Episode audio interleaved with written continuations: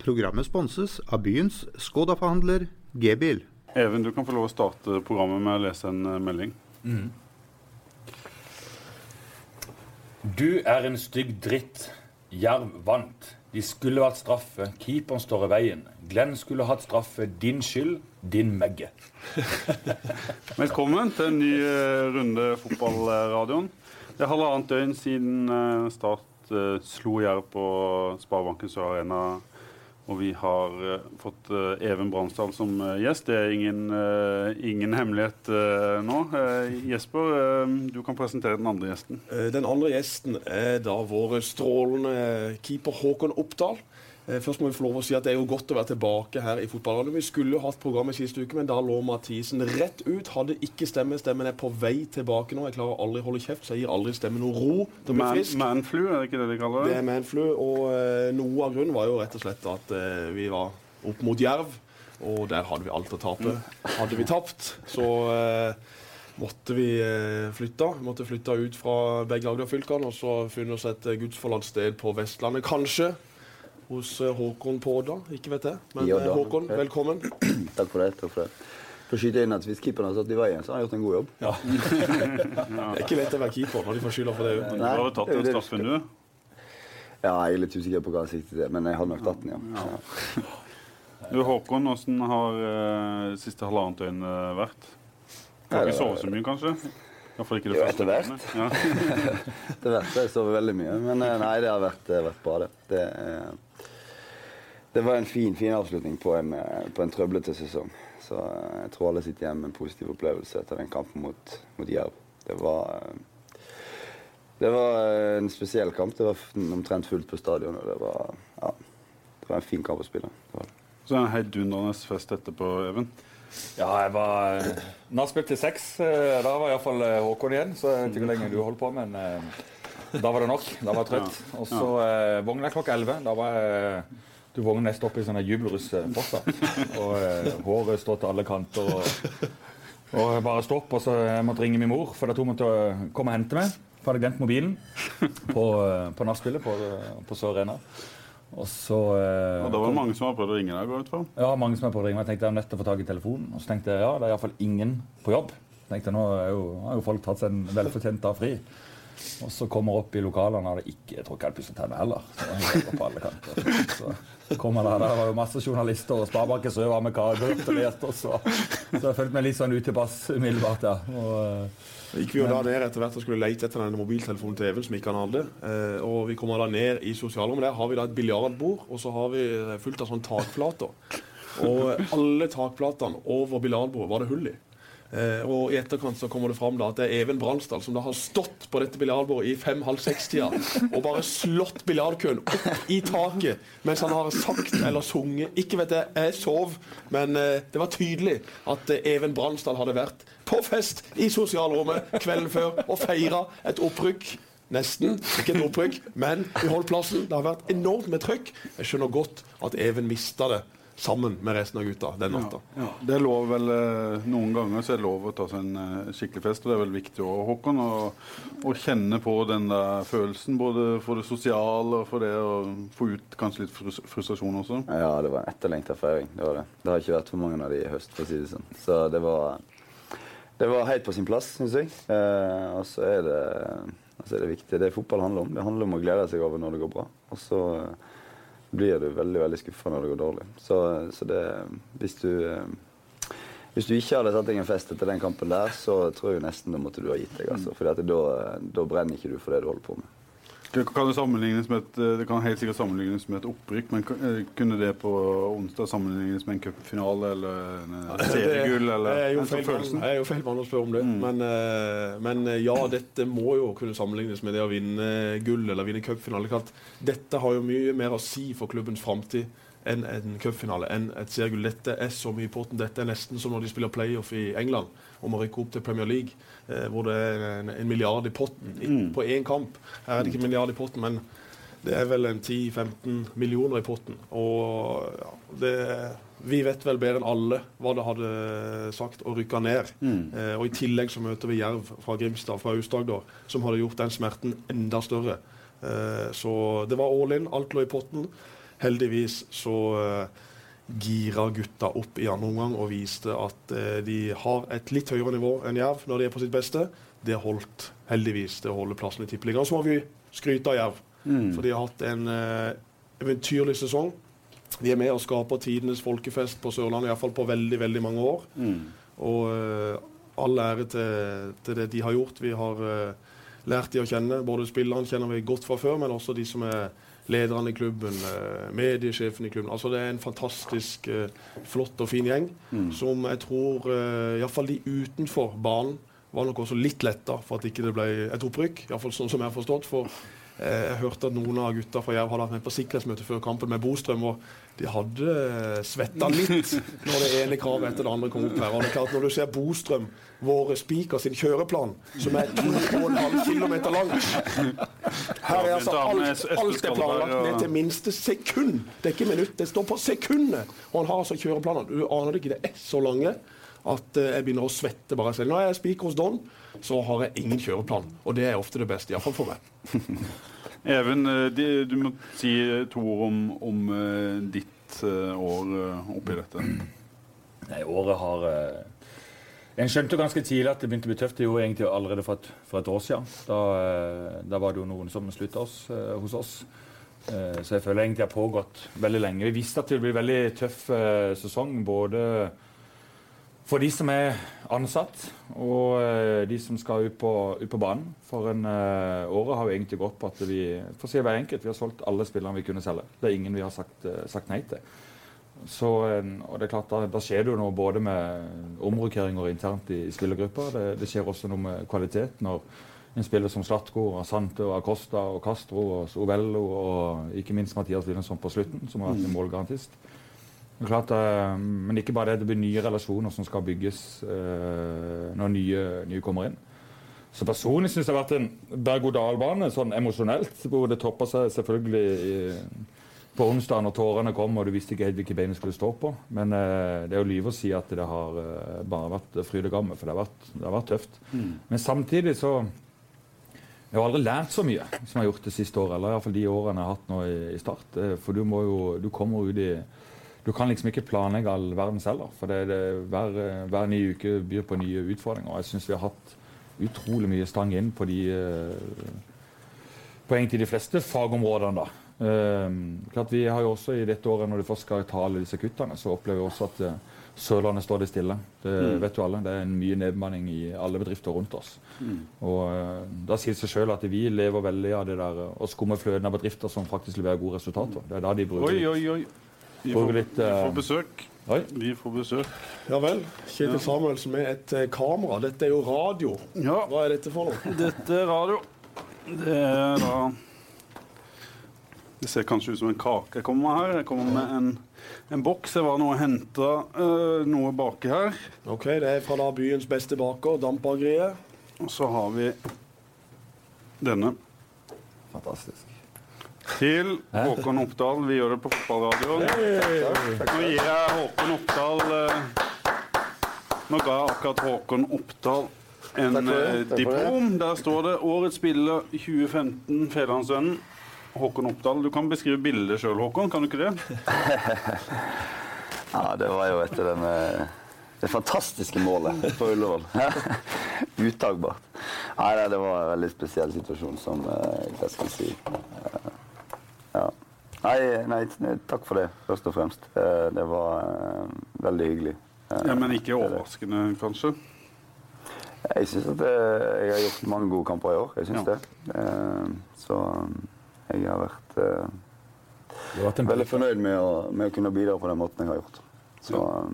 Ja, det og veldig fornøyd med at vi holder, holder plassen. Det må jo nesten være tidenes mest fortjente årets spiller. Ja. Vi har jo også, eh, Leserne våre har også eh, stemt på spillerne til Start underveis i sesongen, og der er jo Håkon eh, enda mer suveren enn han var på på vår uh, spillerbørs. Så dette er fullt fortjent, Håkon. Det er bare å gratulere på vegne av FV-en. Så kan du si noen ord om sesongen hans? Nei, Den har jo vært uh, et eventyr av en sesong. Vi står med 22 poeng, eh, som ikke er bra. Men vi holder plassen, og det er takket være én mann, sånn som jeg ser det. Og det er takket være lagets viktigste spiller, jf. hva Jørgen Pedersen iallfall ville sagt. Det er der Håkon Oppdal. Han har hatt noen redninger og noen kamper som rett og slett har vært uh, outstanding. Selvfølgelig vil Håkon uh, variere, sånn som alle fotballspillere vil, men uh, jevnt over har det vært ekstremt bra. Og det har vært solid. Han har utstrålt trygghet i et mannskap som ikke alltid har utstrålt det samme. Og Noen av de kampene hadde nesten vært sånn at Håkon har bare stått der så han nesten utsolgt sånn at OK, de må komme med hva de vil. Jeg skal redde dette her uansett. Mm. Og i tillegg, da, så skårer han på Ullevål med et frispark som han bommer med 30 meter på hva han egentlig skal treffe. Og så blir han hylla. Det er deilig med fotball. Fantastisk. Fullt fortjent, Håkon. Takk for det. takk for det. Eh, fotball på sitt beste. Fotball på sitt beste. En, en, mann som har vært med på mye i sin karriere, og som eh, i sitt siste år virkelig har steppa opp. Mm. og eh, nå har ikke jeg sett alle sesongene til Håkon, men dette må iallfall være opp imot den beste sesongen du har levert. Så er det sikkert litt uh, overraskende hvis en ser et år tilbake, Håkon, så var du i en situasjon der du hadde blitt skada tidlig på høsten og vært ute vel hele høstsesongen i, i, fjor og måtte trene deg opp igjen. Når du sto på La Manga, hadde en prat med deg på La Manga i fjor, husker jeg, og da da var det veldig tvil om hvem som skulle være Starts førstekeeper. Du var jo usikker sjøl òg, hvem som skulle stå der. Og godeste islendingen, nå husker jeg ikke helt navnet. Ja, Ingvar Jonsson. Og så ender du opp med dette og en uh, fantastisk uh, sesong. Uh, hva er grunnen? Nei, hva er grunnen? Altså, jeg var vel aldri i tvil om, om, jeg skulle spille eller ikke. Så, men det er jo ikke bare opp til meg. Det er jo opp til treneren å ta ut laget. Jeg er i hvert fall fast bestemt på å vise at jeg, at jeg er en god keeper. Mm -hmm. når jeg fikk den skaden i fjor høst, så gjorde jeg ja, som jeg alltid gjør, jeg gjorde det jeg kan for å bli best mulig. Du må fortelle litt om den skaden, for da var du irritert? husker du? Ja, jeg var irritert. Det var noe sprinttrening og noe greier. Altså, nesten litt sånn på gøy? Skulle... På gøy og på gøy. Det var liksom uh, Keeper skal ikke teste ikke... Keeper skal stå i mål og redde den kula, og så sette den i gang til med utespillere. Og så skal vi ha sprinttrening. Nå er 10 meter greit. 20 meter, da er du ute og sykler som keeper. Hvis du må sprinte 20 meter, da har du gjort noe galt uh, på forhånd. Så det må vi prøve å unngå. Men altså, det var uvant bevegelse som du sjelden gjør, og så røk det en muskel i, i rett sett i låret som gikk rett av. Og da, da, var jeg ute fra slutten av august til uh, begynnelsen av desember så gikk jo den resten av sesongen. Mista de ti siste kampene. Rutford har sagt at det er grunnen til mye av grunnen til, til, den sesongen du har hatt i går, det, eh, i år. Det arbeidet du la ned i de månedene. Du meldte deg inn i bokseklubb, og hva var det? Ja, jeg, jeg måtte jo finne alternative måter å trene på. Når du ikke får uh, når du ikke kan trene keeper, så er jo boksing en god altså Det er reaksjon, og det er, det er, styrke. Det er tungt. Du får bra påvirkning på kroppen. Så så da trente jeg boksing eh, to-tre ganger i uka fast eh, fra jeg kunne det, da, etter skaden, og så ut året.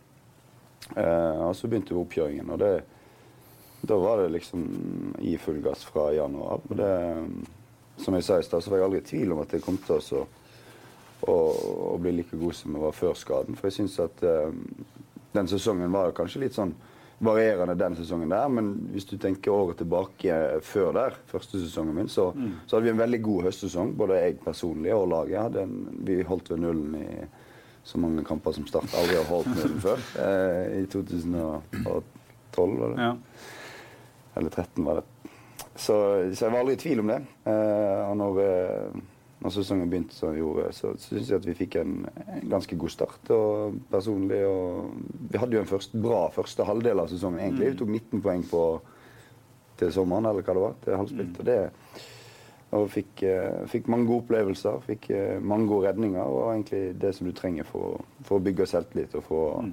og for å vite, altså for å bekrefte at du, du er bra. da. Samtidig viser statistikken også tidlig som at Start er laget som får mest sjanser mot seg, mest avslutninger mot seg. Ja, det, det, sier vel òg noe om din eh, prestasjon? Ja, nei, som jeg sa, så, så er jeg veldig godt fornøyd med mange av de kampene jeg gjorde. Og kom, kom godt i gang ganske tidlig, faktisk allerede i treningskampene. Jeg syns mm. at ting fungerte veldig, veldig bra. Og, og, og, gjorde det veldig godt. Og så hadde vi selvfølgelig konkurranse om plassen. Med, du ble vraka til tredje eller fjerde serieomgang. Var det mot uh, Rosenborg uh, borte? Da fikk Ingvar ja. Jonsson en, en, sjanse. Jeg gjorde det. Uh, og det var en, en, en, en plan som, som, trenerne hadde med at de ville jeg vet ikke, se han spille eller mm. Eller hva det var. Men, men det var jo planen at jeg skulle spille neste kamp uansett hvordan han gjorde det. på en mm. måte. Så Um, så det var for så vidt greit, det. Treneren tar ut laget, og så er det opp til, eh, til spillerne å bevise om eh, hvor gode de er. Men akkurat det du sier om vårsesongen, altså Start redder plassen sin i vårsesongen. Mm. Og én ting å stå bra i høst når man har tapt og Mm. eh, gjør gode redninger på 0-2 og 0-3, men det er ikke der. Ja, men hadde jo uh... Selvfølgelig hadde han mye gode Men i vår så Ja. mener han har vært mange kamper hvor han har vært direkte avgjørende. Så Ja, Start tatt poeng. Eh, og det var der Start redda plassen, i vår. Det var det. Eh, ikke fantastisk bra spill. Som Nei. du sier, masse sjanser imot. Mm. Få sjanser for, men var veldig effektive framover med Mathias og Ayer, som var i stor form. Mm. Og så hadde du Håkon bak oss. Så det var grunnen til at Start holdt eh, plassen i tippeligaen i år. Samtidig som at Mjøndalen og Sandefjord ikke tok veldig mye poeng, heldigvis. Og så eh, fikk vi da jackpot i siste runde. All in. All in. Ja, det er spesielt med at vi, at vi klarer å holde plassen med 22 poeng. Det har vel eh, aldri skjedd. Nei, det har aldri skjedd. Ikke Det, med, ikke med 30 16 lag. lag i, ja, Nei, tillegg. 16 lag. 30 lag. Det er 30 lag. lag. Er det 30 lag? Ikke Ja, med 30 NFF, kamper. NFF har et stykke til det. er. Jeg tror ikke se 30 lag i tippeligaen Jesper, du er jo så glad i historie. og Det er jo Håkon eh, Vi som kjenner han som eh, journalister Nå har jeg barn i samme barnehage som Håkon, så jeg treffer han litt utenfor banen nå. Men eh, veldig ordentlig type som er glad i kaffe og kosthold. Ja, altså Håkon eh, er jo en av de det er vanskeligst å finne noe på. Eh, jeg, faktisk har jeg, jeg har ikke gidda eh, å prøve denne gangen, for jeg vet at Håkon har et ganske plettfritt rulleblad. Eh, men han er veldig flink til å lage mat. Han er veldig glad i å bruke tid på å lage mat. Altså Hver gang Håkon lager mat, så er det minimum 15 ingredienser i en middag.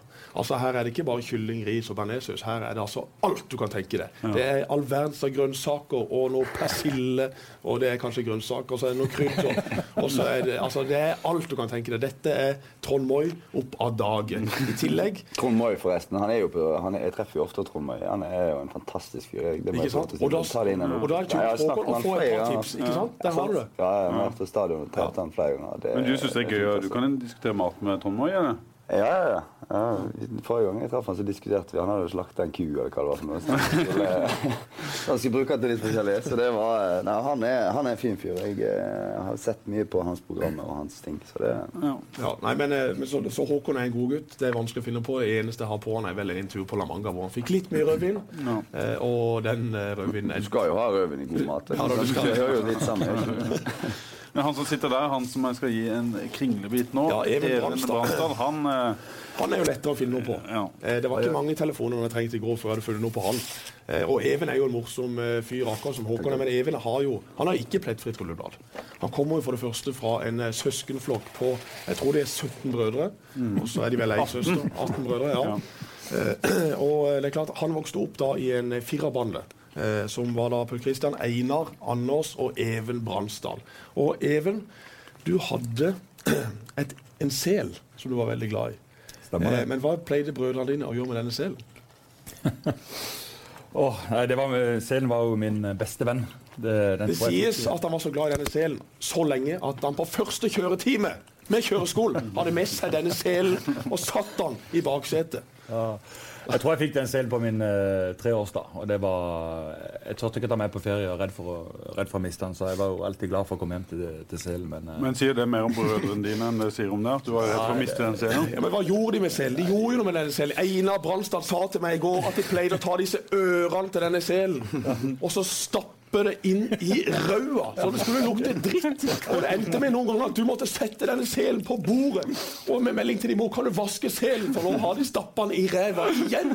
Det stemmer det. Min mor har bevart en lapp jeg har skrevet. Jeg tror det står eh, Mamma eh, vask eller Anders har gnurt selen i rumpa si. Vask selen. Og Eila fortalte det. de, at de la i de den i ro, og de altså, Jeg vet ikke hva de gjorde med den. Men, men var sa at de tok disse ørene til denne selen, og så liksom Men har en sel de ører? Jeg vet ikke, denne selen hadde om det vært et Ja, han hadde jo to ører. Han hadde to ører.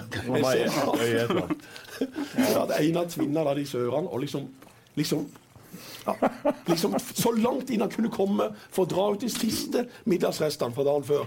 Einar, du har hatt en tøff oppvekst med, med disse brødrene.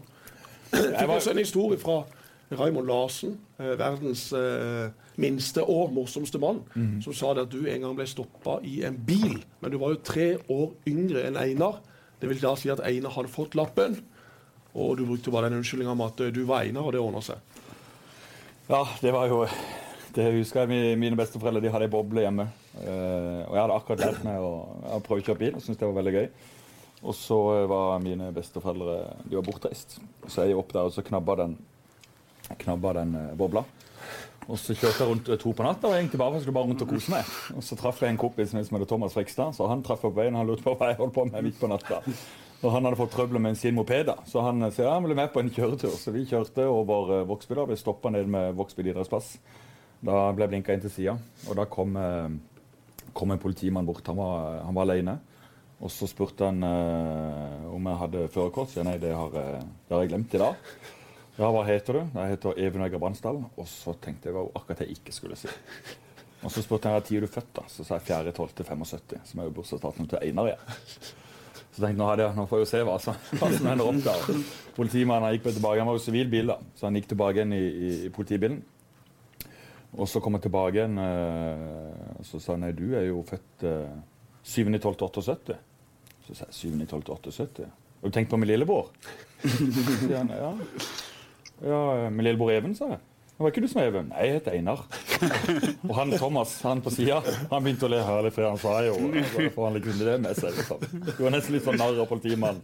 Jeg satt der og hadde tent meg opp en røyk. Jeg var, helt, jeg var ganske nervøs. Og Så gikk han, eh, så gikk han tilbake igjen og sjekka det, at det, liksom, det var OK. da, Og så spurte han liksom er det, og hvem sin bil er dette, da? Så sier han nei, det er en kompis sin. Ja, har du vognkortet? Så tenkte jeg da må jeg meg ut igjen, for det, det står jo Einar Øgrei på, på vognkortet. Ja, Einar Øgrei, ja, det er kanskje din bestefar, det. Ja, det stemmer det, sier jeg. Ja, men du tror du sa det var en kompis sin. Ja, men uh, en kompis har satt min bestefar i navn for billigere forsikring. Sier politimannen der, men det var jo det var jo smart tenkt, ja. Men uh, du får be han kompisen han fikser baklykta, for den funker ikke. Nei. Så nei, men det skal jeg gjøre det. Så kjørte jeg videre. Det var jo snart tenkt. Veldig. Men det sies også, jeg har noen historier på det. Vi må liksom få bekrefta de eller avkrefta de. Men du spilte mye knokepoker med brødrene dine. Eh, Og da var Even eh, yngst i denne såkalte firerbanden. Og Einar fortalte det da, at Even fikk alltid ei strålende hånd. Så han satsa alt det han kunne. Han kunne gjerne få firs i S, men var alltid noen som hadde bedre. det var alltid den dårligste hånden. For dette var rigga på forhånd, og det endte med at de der stakkars knokene dine de ble slått på, og de lårene dine med flat hånd. De ble slått på og slått på. Det var juks. Du ble rundlurt, og du skjønte det aldri. Jeg skjønte det ikke, trolig nok. Da, det, var, det var så vondt. Knok, jeg tror arr er på knokene enda etter den dagen der. Og ikke minst var det at den som fikk lavest kort, den skulle bli slått alt, altså den som fikk høy kort, kunne slå alt han kunne med flat nede på låret. den fikk lavest. Og jeg fikk lavest hver gang. Men jeg hadde så lyst til å være med. Jeg hadde så lyst til å gi igjen. Hårene trilla, jeg grein og beit i munnen. Bare håp at bare én gang så skal jeg klinke til tilbake igjen. Jeg var så sinna. Men nå er du full- full adrenalin i kroppen, da. Men eh, ja, det var, det var ganske heavy å være eh, yngst av de fire eldste. For han eldste er bare fire og et halvt år eldre enn meg. Og så er det to imellom. Så vi, det var vi fire veldig opp igjennom. Jeg fikk, eh, fikk gjennomgå. Men eh, jeg kunne Jeg gjorde igjen av og til, men da måtte jeg ta i bruk litt stoler og litt sånn. Og kaste etter. Men når du var 18, så krangla du også da med din bror Anders. Eh, og dette var at dere sto og dro til hverandre midt på trynet. Mormora di var helt hysterisk. Grunnen var at dere hadde felles undertøy og felles sokker. Og Anders han gjemte alltid unna de beste underbuksene. De som ikke det var hull i. De som ikke det var eh, utslitt, de som ikke det var bremsespor i. De gjemte han unna, så dere måtte ta resten. Ja, jeg gikk mye rart. Men siste historien. Det lukta alltid piss på rommet ditt. Og Even mente da at dette var en katt som hoppa inn i vinduet hver eneste natt. Og mor til Even var så fortvila. Du må ikke slippe inn den katten. Det lukta piss og piss og piss. Så da viser det seg ettertid at dette er ikke en katt som har pissa. Dette er Even Øgrid Bransdal, som våkner om natta pissetrengt. Og han er så slapp at han pisser opp etter sin egen vegg og ned på sitt eget teppe. På sitt eget teppe står han og pisser på natta. Han orker ikke gå på dass, så han pisser på sitt eget rom. Stakkars katt. Og stakkars mor som trodde det var en katt. Du pissa opp etter din egen vegg. Jeg gjorde visst det, over en lengre periode, dessverre. Det var eh, Lenge. det, Jeg vet ikke om jeg var redd for å gå inn på do på natta. eller hva, jo, jeg vet ikke. Den, uh, men det lukta ordentlig. Og jeg ble jo vant til det etter hvert. Det var mer fordi Hvis du kom på besøk, så merka jeg mest det. Men, eh, meg. Du fortrengte det, rett og slett? Ja, jeg vet ikke hva jeg gjorde. Det, så det, det måtte jo rense flere ganger, det teppet der. Jeg fortalte jo aldri sannheten. For det. Jeg syns det har lukta litt piss inn på kontoret ditt. Jeg husker fortsatt lyden av det når det treffer det der ullteppet. Så, Nei, uff a meg. Jeg- Det er heldigvis mange år siden. Håkon, du har ikke Du er vokst opp på sti, i stille og rolige kår Nei, det er ikke det. Men altså, jeg hører jo det at Eivind har jo vært eh, yngst av eh, Var det fire brødre, da? det? Ja, vi, er- vi er jo flere, da, men eh, vi, spesielt vi fire eldste er jo Ja, okay. veldig, Så veldig jeg, er jo, jeg er jo eldst. Jeg har tre yngre søstre, så jeg har vel egentlig eh, Jeg har vært i andre enden av skalaen der, tror jeg. Så, så det at hvis du skal ha noen historier der, så må du kanskje ikke spørre meg. Da får du en litt sånn feil eh, vinkling der. Men eh, det har vært, eh, vært noen feider der, og det har det. Men eh, Vi ser for oss det som en omsorgsfull, eh, snill Ja, eh, storebror. Gjør vi ikke absolutt, det? I hvert fall i voksen alder.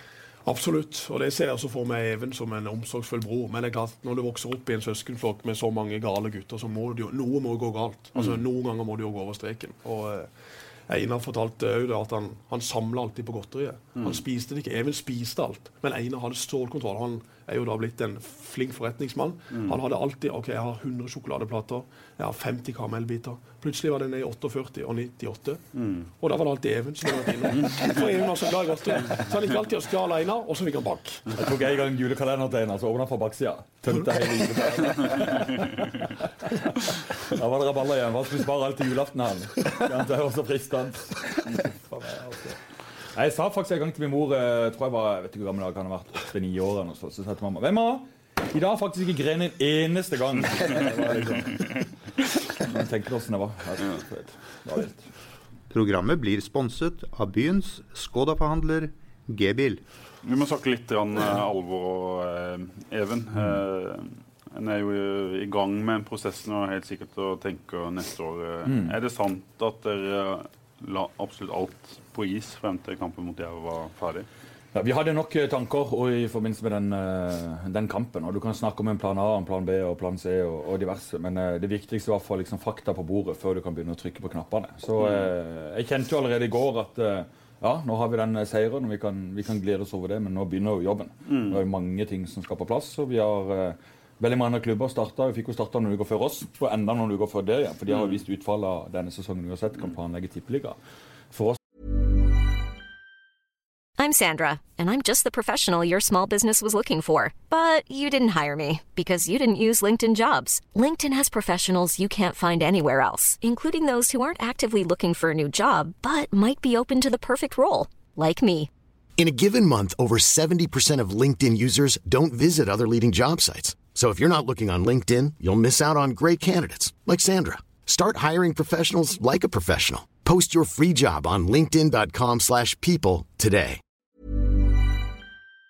så har vi ledd en usikkerhet over veldig, veldig lang tid. Um, så det er klart det er jo, det har også litt med samarbeidspartner, ikke sant, som også er litt på vent. For vi, vi, vi må jo starte med å se hva kan vi budsjettere med inntekter til neste år, for å se hva vi har igjen av, og hva, hvilke forpliktelser har vi. Og det er klart Når en, når en samarbeidspartner venter på blir det Obos-liga, blir det Tippeliga, så, er det, så er det veldig mange ting som er på vent, som henger veldig, veldig sammen med det store bildet. Er du enig med meg når jeg skriver at Start har dårligst utgangspunkt eh, per nå av de klubbene som skal spille Eliteserie neste år, sportslig? Ja, nei, det, vi, vi får gjøre, en, uh, gjøre den beste jobben vi kan ut fra de ressursene vi har. og så hvordan de andre jobber, det Men det er klart, de har jo fått et bedre utgangspunkt enn det, enn det vi hadde. det er klart det. Hva er det som må gjøres? Nei, Nå må vi sette stallen. Vi må, øh, vi må bli enige om uh, trenerkabalen for, uh, for neste år. Og så tror jeg vi, litt, vi er litt sånn på Starte litt med blanke ark. Og, gjøre en, og så starte med å gjøre en grundig evaluering av oss sjøl. Altså, er vi fornøyd med den jobben vi har gjort? Så er det en del overskrifter da, som vi kan være, si at det er godt jobba med, både med tippeliga og, og egentlig tatt ufattelig mye kostnader og, og komme oss helskinna gjennom en så trøblete sesong. Og så er det veldig mange ting underveis da, som alltid kunne blitt gjort annerledes eller bedre. Men sånn er det i enhver bedrift. Så det er ikke sånn, vi, eh, det er kanskje veldig synlig hos oss da når du, når du tar et feil valg. Men vi er nødt til å være litt sånn selvkritiske i forhold til den jobben vi gjør, og så sette eh, fart for, for neste år, sånn at vi lærer av, de, lærer av det. Og så, eh, og så tror vi må komme litt der at hvem, hvem er egentlig Start for Altså Når folk spør meg noen ganger hvem, hvem er Start, og når jeg kjenner du har litt uh, vanskelig med, å svare på det spørsmålet sjøl, så er vi, har vi ikke helt funnet vår uh, vår identitet, den tror jeg vi må finne tilbake igjen. For da, da kan du begynne å, å, sette ting litt mer i system. Vi må se hvordan vi er organisert. Vi må se hvilken kompetanse vi har på eget hus. Jeg er veldig, personlig veldig opptatt av at vi må ha den kompetansen vi trenger. Må være der i det daglige. Mm. For vi har jo folk rundt oss, i både rundt klubben, i styret, som har forskjellige kompetanseområder. Men det er jo noe helt annet når du kan sitte og diskutere fagområdene hver eneste dag. Mm. For den kompetansen må, må være der. Så, Prof profesjonalisering. Profesjonalisering. Og, og, og, det handler også i tråd med, med, økonomi og alle disse tingene, hva du har mulighet til. Men, men, det handler også om at vi er så få mennesker. Og, og eh, sånn som i år har jo gått altså, Nå har jeg tatt mye av disse forhandlingene med, med spillersalg, og også med når vi skal hente inn eh, spillere.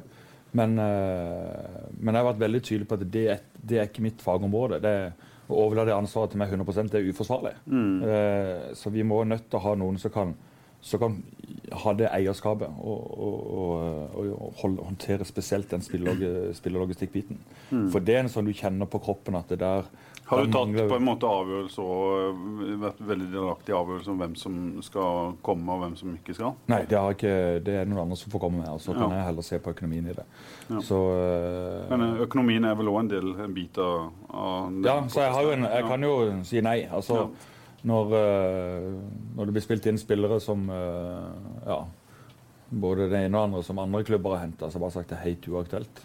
Hvordan skal det være? Skal det være sånn at en har en pott å forsterke stallen, og så skal det er, det er det andre som skal ha ansvar for det? Nei, vi, vi, må legge fram noen rammer for uh, Vi må legge fram budsjettet. også De som uh, håndterer den biten, de må forholde seg til budsjettet og gjøre det beste ut av det. Det må mm. jo Han på markedet og de på drift gjøre. Det er jo, det er jo sånn det funker. Så du må bare Det er jo egentlig dette. Dette har vi å bruke. Dette skal vi bruke på spillerstallen til, til, neste år. Ok, Hvordan skal vi løse det på best mulig måte? Hvilke posisjoner er det vi ser etter? Ved, mm. altså, den biten her, den, eh, Så lenge du holder et budsjett, så er det ganske enkelt. Jesper har sagt at han tror at uh, han har egenskaper i hvert fall til å kunne fylle en sånn rolle. Mm. Uh, er han en aktuell mann? Jesper uh, har, er jo kanskje en av de som har imponert meg mest etter jeg kom til Start. jeg har blitt godt kjent med Jesper både både litt eh, privat og ikke minst i de fagområdene som vi har. Han har jo masse å bidra med både på media, på marked og ikke minst innenfor eh, sport. Så han har vært en veldig god sparingspartner for meg. Og, mm. og han eh, syns jeg vokser i rollen for, for, dag til dag. Og det er jo ikke noen tvil om at Jesper har jo en, har jo en framtid i Start. Han, eh, han er jo vokst opp med Start på brødskiva helt siden han var, helt siden han var født. Og jeg tror ikke han har noen andre ønsker enn å fortsatt bidra eh, for Start. Og du ser hvor mye det betyr for han når vi spiller kvalikkamp onsdag. Det, det, er så mye som er i sving på han at han må ta seg en tur rundt med bikkja på, på gymnagården. For det blir nesten, mm. nesten liksom overveldende mye. Og det er jo den passion, det er jo den lidenskapen, det er den eierskapet til det vi driver med. Det er jo den du, du søker etter, for da gjør du sannsynligvis enda, enda større innsats enn en kan forvente. Og det, det, trenger vi. Så ikke tvil om at Jesper uh, har en bra framtidsstart. Du går i din fars fotspor i rekordtempo, Jesper? Altså, eh, Takk for fine ord fra Even. Eh, og om jeg går i min fars fotspor, eh, ja, det har jeg for så vidt gjort til nå i livet. Og det kommer jeg helt sikkert til å gjøre eh, videre også. Eh, men eh, det var vel en overskrift hvor det sto at Jesper Mathisen vil bli sportssjef. Mm. Det har jeg ikke sagt. Jeg har sagt at jeg selvfølgelig vil være med og bidra rundt sport i Start, hvis Start vil det. Mm. Jeg har eh, masse kontakter. Jeg kjenner norsk fotball godt eh, i og med at jeg jobber med det på mange forskjellige vis. Mm. Og eh, jeg elsker Start. Eh, jeg vil, det eneste jeg vil, er at Start skal bli så god som mulig. Og da vil jeg bidra. Om det jeg som eh, eh, sportsleder, om det er som oppmann, om det er som eh, speaker. Eh, mm. Jeg vil bare bidra eh, ja. med det jeg kan. Eh, og det er ikke noe must for meg å få en sånn tittel. Jeg så på pappa eh, hva, hva, slags jobb det egentlig er. Mm. det er det ikke så mange i, i, Kristiansand, så mange i Norge som kan ha. Jeg er 28 år, jeg har ekstremt mye å lære. Mm. Jeg vil selvfølgelig være med og lære, og være med rundt noe sånt. Men det er langt fra dit til å si at Jesper Mathisen vil bli sportsdirektør. Det vil jeg helt sikkert en eller annen gang, mm. eh, men eh, før eh, den tid så har jeg ekstremt mye å lære. Og eh, jeg håper jo at vi kan få satt sammen et team, eller at noen andre kan kan være den som fronter det utad. Mm. Altså, det er flere som må, som må, gjøre en god jobb her. For det har vært altfor dårlig over altfor mange år. Mm. Og uh, som Even sier, vi må finne ut av hvem er Start, hvordan skal Start se ut, hvilke spillere skal man hente, hvilken trener skal man hente, hva slags fotball skal det spilles. Mm. Nå er det ingen i Oslo, ingen i Bergen, ingen i Trondheim som bryr seg om Start. Start er ingenting. Vi må komme tilbake og skaffe oss sjøl en egen identitet, og så må det være krystallklart hvor skal Start være om fem år, om ti år, og så må det jobbes ut fra det. Ikke hele tida jobbe med kvelertak de seks neste månedene, som det har vært i det siste. Veldig mye pga. økonomi. Samtidig er noe av den dårlige økonomien eh, skyld i dårlige valg som er gjort. Men sånn er det. Vi, eh, vi må alle gjøre en bedre jobb. og, og eh, Men er det greit å ha det også som et utgangspunkt? At han er på en måte på At folk har en følelse, i hvert fall. At han er på et eh, nullpunkt og kan mm. jobbe seg oppover. For det, det er litt der dere er nå, Even. Ja, jeg føler det. Det er en eh, For det er klart, når du bare ser for måned etter måned er det penger på konto, har vi nok til lønn. Altså, du, du puster gjennom et sugerør. Det er, du har folk som sender mailer og ringer og spør om vi kan betale regninger som vi skylder. Altså, du lever i en sånn boble som er er ikke det Noen ganger blir det litt sånn personlig òg. At du, du opplever at du kjenner det presset fra, fra samarbeidspartneren som sier at ok, vi kan gjerne bli med på en ny samarbeidsavtale, men betal regninga først. ikke sant? Og du kjenner at du så håper du at liksom over neste topp så er det, så er det lyspunkt. Og så har vi hatt mye, mye stang ut. Og det er nå kommer gjennom dette året og kan eh, forhåpentligvis levere et overskudd for første gang siden, siden 1999. eh, og på en måte liksom fått ned såpass mye kostnader at du ser at nå, nå har vi faktisk noe å spille på til neste år. Eh, med det som er et utgangspunkt, hvordan skal du forvalte, eh, forvalte det på best mulig måte? Istedenfor at du starter med nedsablinga umiddelbart. Så, mm. Men det, men det er veldig lett å kritisere Even for folk som ikke kjenner til klubben sånn veldig godt. Det er klart, det har vært mange ledere i klubben som ikke har hatt baller til å ta de kuttene som må gjøres. Det er veldig lett å høre på folket, på maset, om at vi må hente spillere, vi må bruke eh, så og så mye penger på lønn, og så ender det opp med at man går 10 millioner minus hvert eneste år. Even har kommet inn, han gir egentlig blaffen i, i alt annet. Eh, han sier det sjøl. Han er fantastisk god på økonomi og har selvfølgelig noe å hente på sport, men da trenger vi noen som fighter med Even på sport, som sier at OK, han spilleren her, han skal vi ha, Even. Jeg gir blaffen i hva du sier. Så må man heller ta en skikkelig krangel på kontoret. Men til syvende og sist så har Even vist at han har baller til å kutte det som trengs. Og det var gambling i år. Det var kjempegambling. 22 poeng, da skal man egentlig rykke ned. Men så får vi da en bonussjanse. Vi holder oss, vi får jackpot med siste hjemmekamp mot Jerv, fullsatt Sør Arena. Det må brukes inn mot neste år, og det er jo en fantastisk mulighet som det er opp til alle i Start å forvalte på best mulig måte.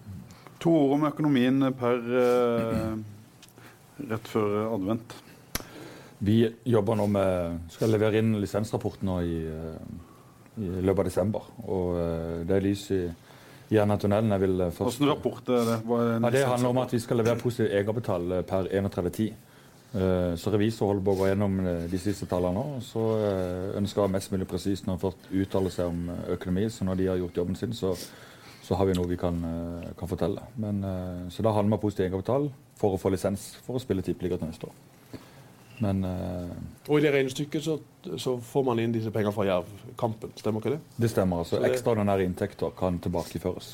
Så vi må gjøre opp status for, for Jerv-kampen også. Så ironisk sett, da, så er det sånn at det kan være at det var akkurat den kvalikkampen som var tvunget på vektskåla. Sant? Uten å måtte liksom ut i markedet for å blåse opp og krisemaksimere. Ja, for Hadde han kanskje kommet en plass høyere på tabellen, så muligens han, en hadde sett at uh, her brenner det. Vi må, vi må ha litt hjelp av Ja, for Du skulle en, du skulle en del opp uh, for rett og slett eh, for, for å kompensere for den inntekten vi får på den kampen. Altså et, En plass opp hadde gitt en 800 000 ekstra. Og så kan du iallfall doble det hva vi har tjent på, uh, på Jerv-kampen. Men det som er det aller, aller viktigste, er jo det at du fikk avslutta på en sånn verdig måte. Fra en fullsatt arena.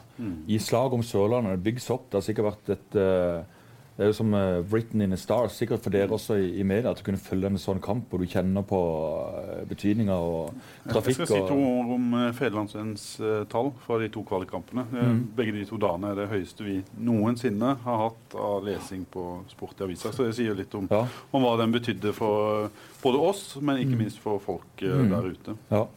Så nå er det ofte også smil litt eh, mens jernet er varmt. Nå, nå sitter folk med en sånn god følelse. De, eh, altså, kniven på strupen sin altså, Jeg tror ikke det var mange av oss Håkon, som forutså at det skulle gå så mange kamper uten seier. Så vi trodde jo, eh, opplevde kanskje i sommer at eh, ok, dette går, det, dette går veien. Ja, det er jo hinsides. Eh, 15-16 kamper uten seier. Det, jo, eh, det har vel ikke skjedd siden eh, jeg spilte, for meg, siden jeg spilte i Odda i 99. Så, og, da, og da gikk vi ned, for å si det sånn. Så, Men det, er av, det som Even sier, det å avslutte på denne måten, og den følelsen dere spillere har etter en eh, sånn en sesong kontra det som hadde vært eh, det motsatte. Dette må jo på en måte gi energi. Jeg vil tippe at på festen etterpå så hang det rundt hverandre og sa at uh, neste år så, Ja, så skal det bli annerledes. Helt klart. For du, du, eh, du får du, Sånne opplevelser knytter jo bånd mellom spillere. Det knytter bånd eh, på tvers av eh, alle i klubben. sant? Og det som, som du sier, det er en utrolig positiv opplevelse som, eh, som Start har fått, og som, som Start har muligheten til å bruke. fordi at det, det er viktig at de bruker den godt, fordi at den eh, det kommer ikke av seg sjøl. For det, den, det er ferskt. Det sitter, alle sitter med en god følelse, og så nå har du muligheten til å, så, til å forvalte den bra. Eh, så jeg kjenner meg litt igjen faktisk i, i den situasjonen her i tidlig når jeg spilte i Brann i 2002. Så var vi i kvalik eh, mot Sandefjord. Og Det var litt det samme som hadde skjedd. Vi tok sølv i, i 2000, var det? Og mm. i 2001 gikk det dårligere. I 2002 så akkurat de samme tingene. Spillere forsvant. Det kom, eh, det kom ingen, omtrent ingen inn. Det var mange unggutter som ble brukt på, eh, i avgjørende kamper, i avgjørende posisjoner. Jeg tror Erik Mjelde spilte venstreback i siste kvalikkamp mot Sandefjord. Som, mm. som han hadde vel egentlig nesten aldri spilt der.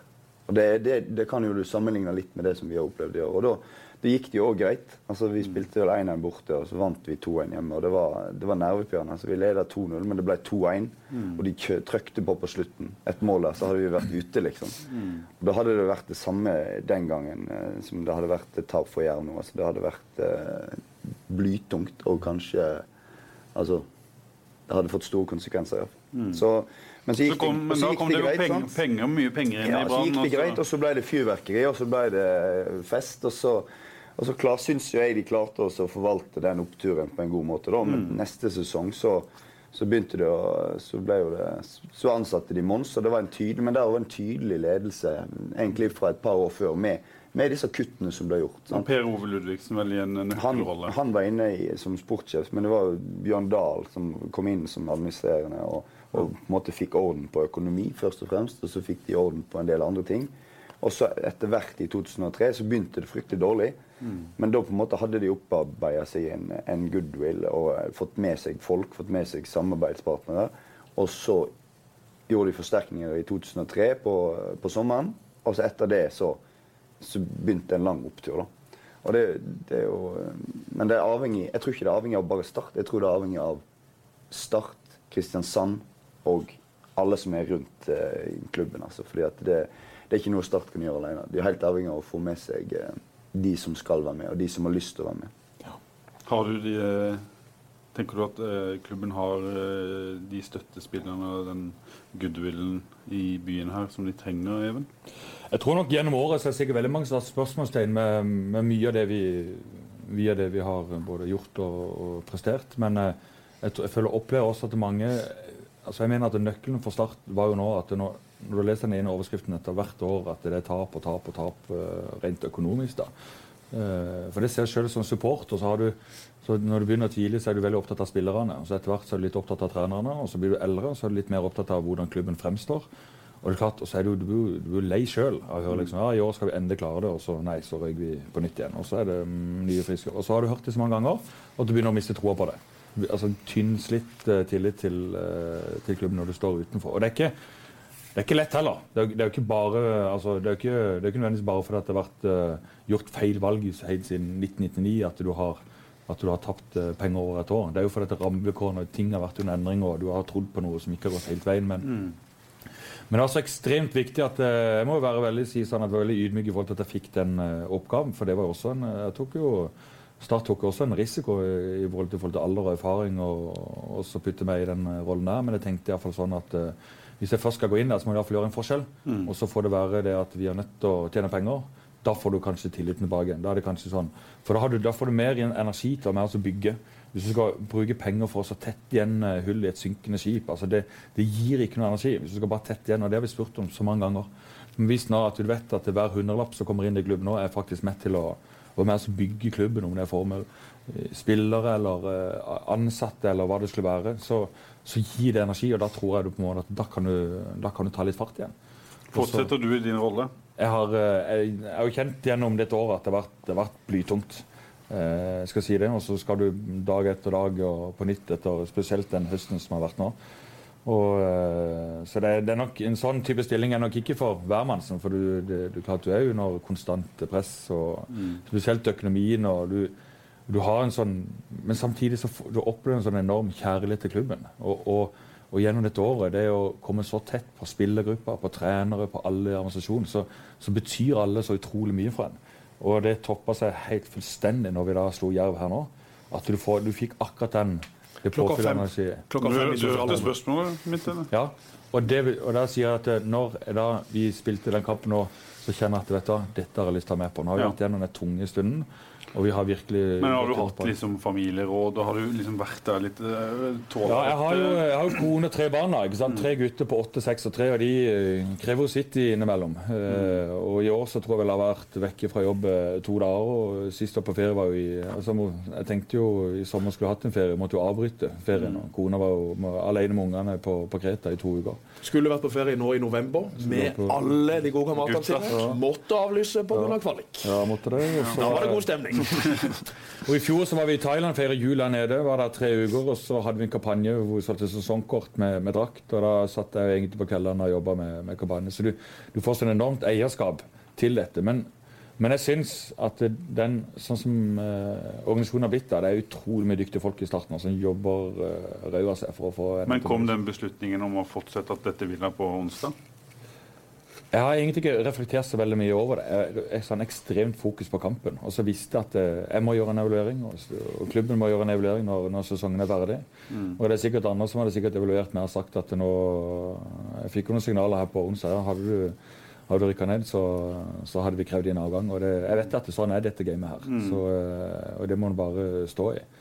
Men når til og med kona mi sier nå at eh, Even, åh, nå, nå, kan det bli gøy til neste år, mm. da er jo, hun bord, altså. Så, men ser du, at, ser du at eh, det, det, kommer jo noen endringer? Du sier at en, en, skal prøve å få til noe på sport. Men mm. styresammensetning og sånne ting, er det, er det, det, er opp til klubben å bestemme hvordan et, et eh, styre skal se ut. Nå er mm. klubben organisert på en annen måte enn tidligere. Det er ikke mm. lenger et AS. og En har medlemmer som kan uh, få noe å si og kanskje kreve et gjenvalg og sånne ting. Og hvordan ser du på de tingene der? Har det vært sunt med et nytt styre i idrettsklubben?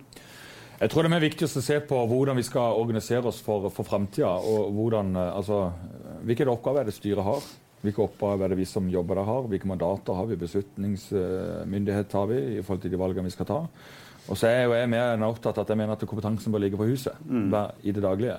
Mm. Og så skal et styre være en eh, De skal bare sørge for at vi vi kjører den, uh, har riktig kurs. da. Mm. Og så må vi ta noen runder internt da, på å gjøre en evaluering av oss sjøl, både styret og meg. og Det skal vi gjøre nå til neste uke.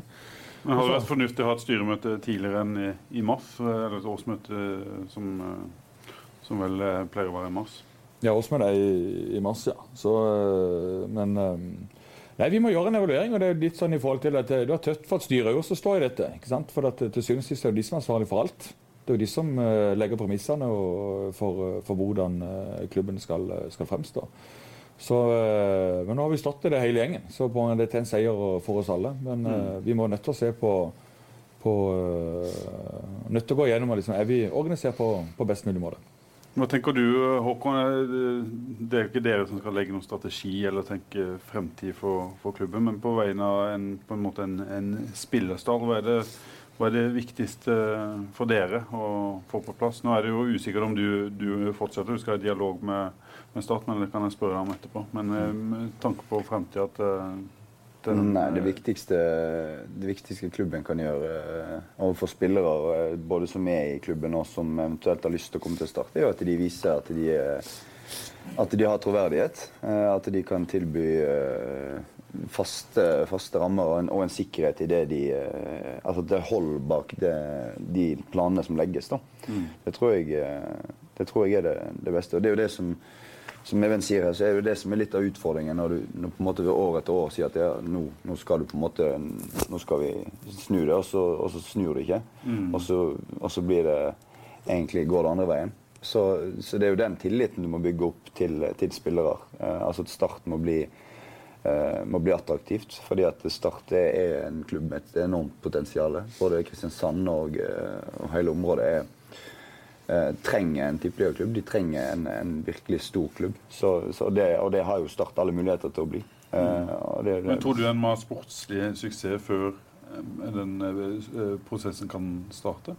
Nei, det tror jeg blir, det er vanskelig å få sportslig suksess uten å, uten å, å, å basere det på noe. For at sportslig suksess må jo, sånn som Tippeligaen er blitt, eh, baseres på, på solide rammer og på solid, eh, et, rett og slett et, et sunn økonomi. Så, så det må på plass først. Og, og, og klubben og, og de som styrer må være dønn ærlige med hva, hva er tilstanden og hvordan, hva vil vi framover. Og så må det være og så må det være holdbart planene. Og da, jeg tror jeg, Hvis noe sånt kommer på plass, så, så, er, det, så er det alle muligheter. Eh, og så er det, som Even sier, hvis du opparbeider den tilliten da, blant eh, samarbeidspartnere og, og spillere, så, så kommer resultatene etter hvert. Eh, men jeg tror ikke du kan bare sitte og vente på altså en, en sportslig suksess før du har fått det andre på plass, for det tror jeg blir litt å tro på julenissen. Selv om det nærmer seg jul. Så skal ikke vi det. Men vi skal snart spille inn julekalender, og den innspillinga begynner i dag. Så snart må jeg ut i Dyreparken. Hvis ikke så kommer Ivan den grusomme, verdens verste parkeringsvogn som går rundt i byen. Han sniker seg rundt alle hjørner. Du skal, få lov til i å reklamere, du skal få lov å reklamere for det, og så må du reklamere for en ting som skal skje litt senere i desember. Ja. Men eh, først da julekalender. Der er det der ut nå. Vi skal spille inn i Dyreparken i år. Jeg tviler på at alle spillerne slipper ut igjen. Det er mye rart. Og hvis Dyreparken hadde sett Even natt til torsdag på sosialrommet, så hadde han blitt kasta inn til julehus og aldri sluppet ut igjen. Men han skal ut i dag. Håkon skal ut i dag. Eh, Fifa, Terje Haugland skal ut i dag sammen med Tor Håvåsen. Byens to beste dommere, by far. Så det blir gøy. I tillegg, 10.12. på Kick. Hulk vender tilbake. Bernt Hulsker, Tom Nordli, Jesper Mathisen og Pål Jørgensen i live podkast på Kick. Det skal bli fortalt historier som aldri før har tålt dagens lys. Det blir så galt at det blir faktisk 35-årsgrense på dette arrangementet. Så det kunne vi det. Så må vi ta én ting. Jeg hadde ikke gjort jobben min hvis jeg ikke hadde spurt om din eh, fremtid, eh, Håkon. Og nå er Even her òg, så nå kan jeg egentlig bare starte eh, forhandlingene. Nei, eh, Even, vil du først være tydelig på at Håkon er ønska neste år? Altså, Håkon har jo beviset foran seg der at han er årets spiller i 2015. Han har gjort eh, en ting man har gjort på banen, men eh, og det har jeg sagt til Håkon før, altså den, den tilstedeværelsen han har i spillergruppa, og den bautaen og tryggheten han, eh, han er, har jo vært ekstremt viktig for oss. Vi har mye unge gutter i, i, i klubben. Vi har mange nye som har kommet inn. Og det å ha den der, eh, litt sånn far i Farsfiguren. i spillergruppa, for å dra det litt langt, for han er jo fortsatt en ung mann, da. Men eh, den har vært veldig veldig viktig for oss. Så, så Håkon både på og utenfor banen er jo, synes jeg er helt eh, fantastisk. Og er jo en av kanskje grunnen til at vi faktisk spiller tippeliga i 2016. Og så eh, når det kommer til det spørsmålet du egentlig ville ha på, så tror jeg heller jeg skal prate med Håkon eh, Ja. om det. Du sa vel eh, nok der. Men Håkon, ønsker du å fortsette i Start?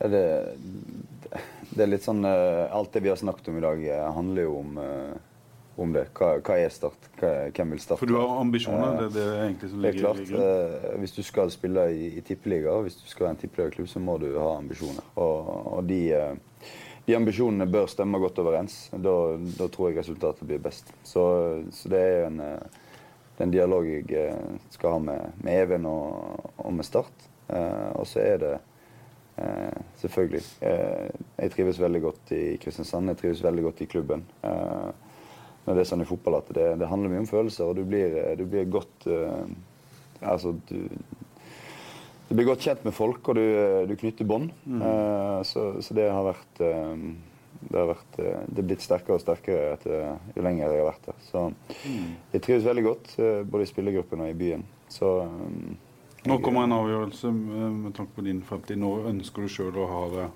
ha det klart? Før jul? Er det en Ja, en sånn ja. viktig ting? Ja, innen rimelig kort tid. Ja. Ja. Yes. Vi sier uh, takk uh, oh, for oss. det var så viktig å slå Jerv. Det var så viktig. Altså, jeg må bare si det før jeg avslutter her i dag, at uh, jeg lå altså på kveldene, og når jeg våkna, så tenkte jeg Tenk hvis Jerv vinner på Sør Arena. Et fullsatt Sparebanken Sør Arena. Tenk! Jeg så for meg han ene etter den andre som jeg kjenner så godt, i Jerv, som skulle da sett liksom for meg at de løp over banen og jubla med disse stygge blå og gule flaggene sine. Det hadde vært fryktelig tungt å bære. Heldigvis så steppa Håkon og co. opp. Det hadde ikke gått. Nei, det hadde ikke Du er Men jeg så det for meg. Jeg så for meg, jeg så for meg alle jubelscener. Jeg forberedte meg på det verste scenarioet. At vi skulle tape for Aust-Agder i Vest-Agder. Jeg har aldri i mitt liv tapt i fotball for et lag fra Aust-Agder. Og det gjorde ikke noe heller. Deilig. Men all ære til jer, Dere var gode. Eh, Jeg må ta en ting til med Oppdal før vi gir oss. Okay. Jeg fikk en tekstmelding. Nordlys kobler Håkon Oppdal til Tromsø, står det her. De har lagt ut en eh, sak. Hva sier du om det, Håkon? To-tre klubber som er interesserte, sier agenten din.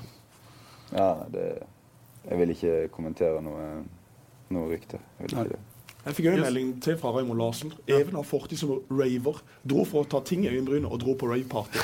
Takk for i dag. Takk for i dag. Programmet ble sponset av byens Skoda-forhandler G-bil.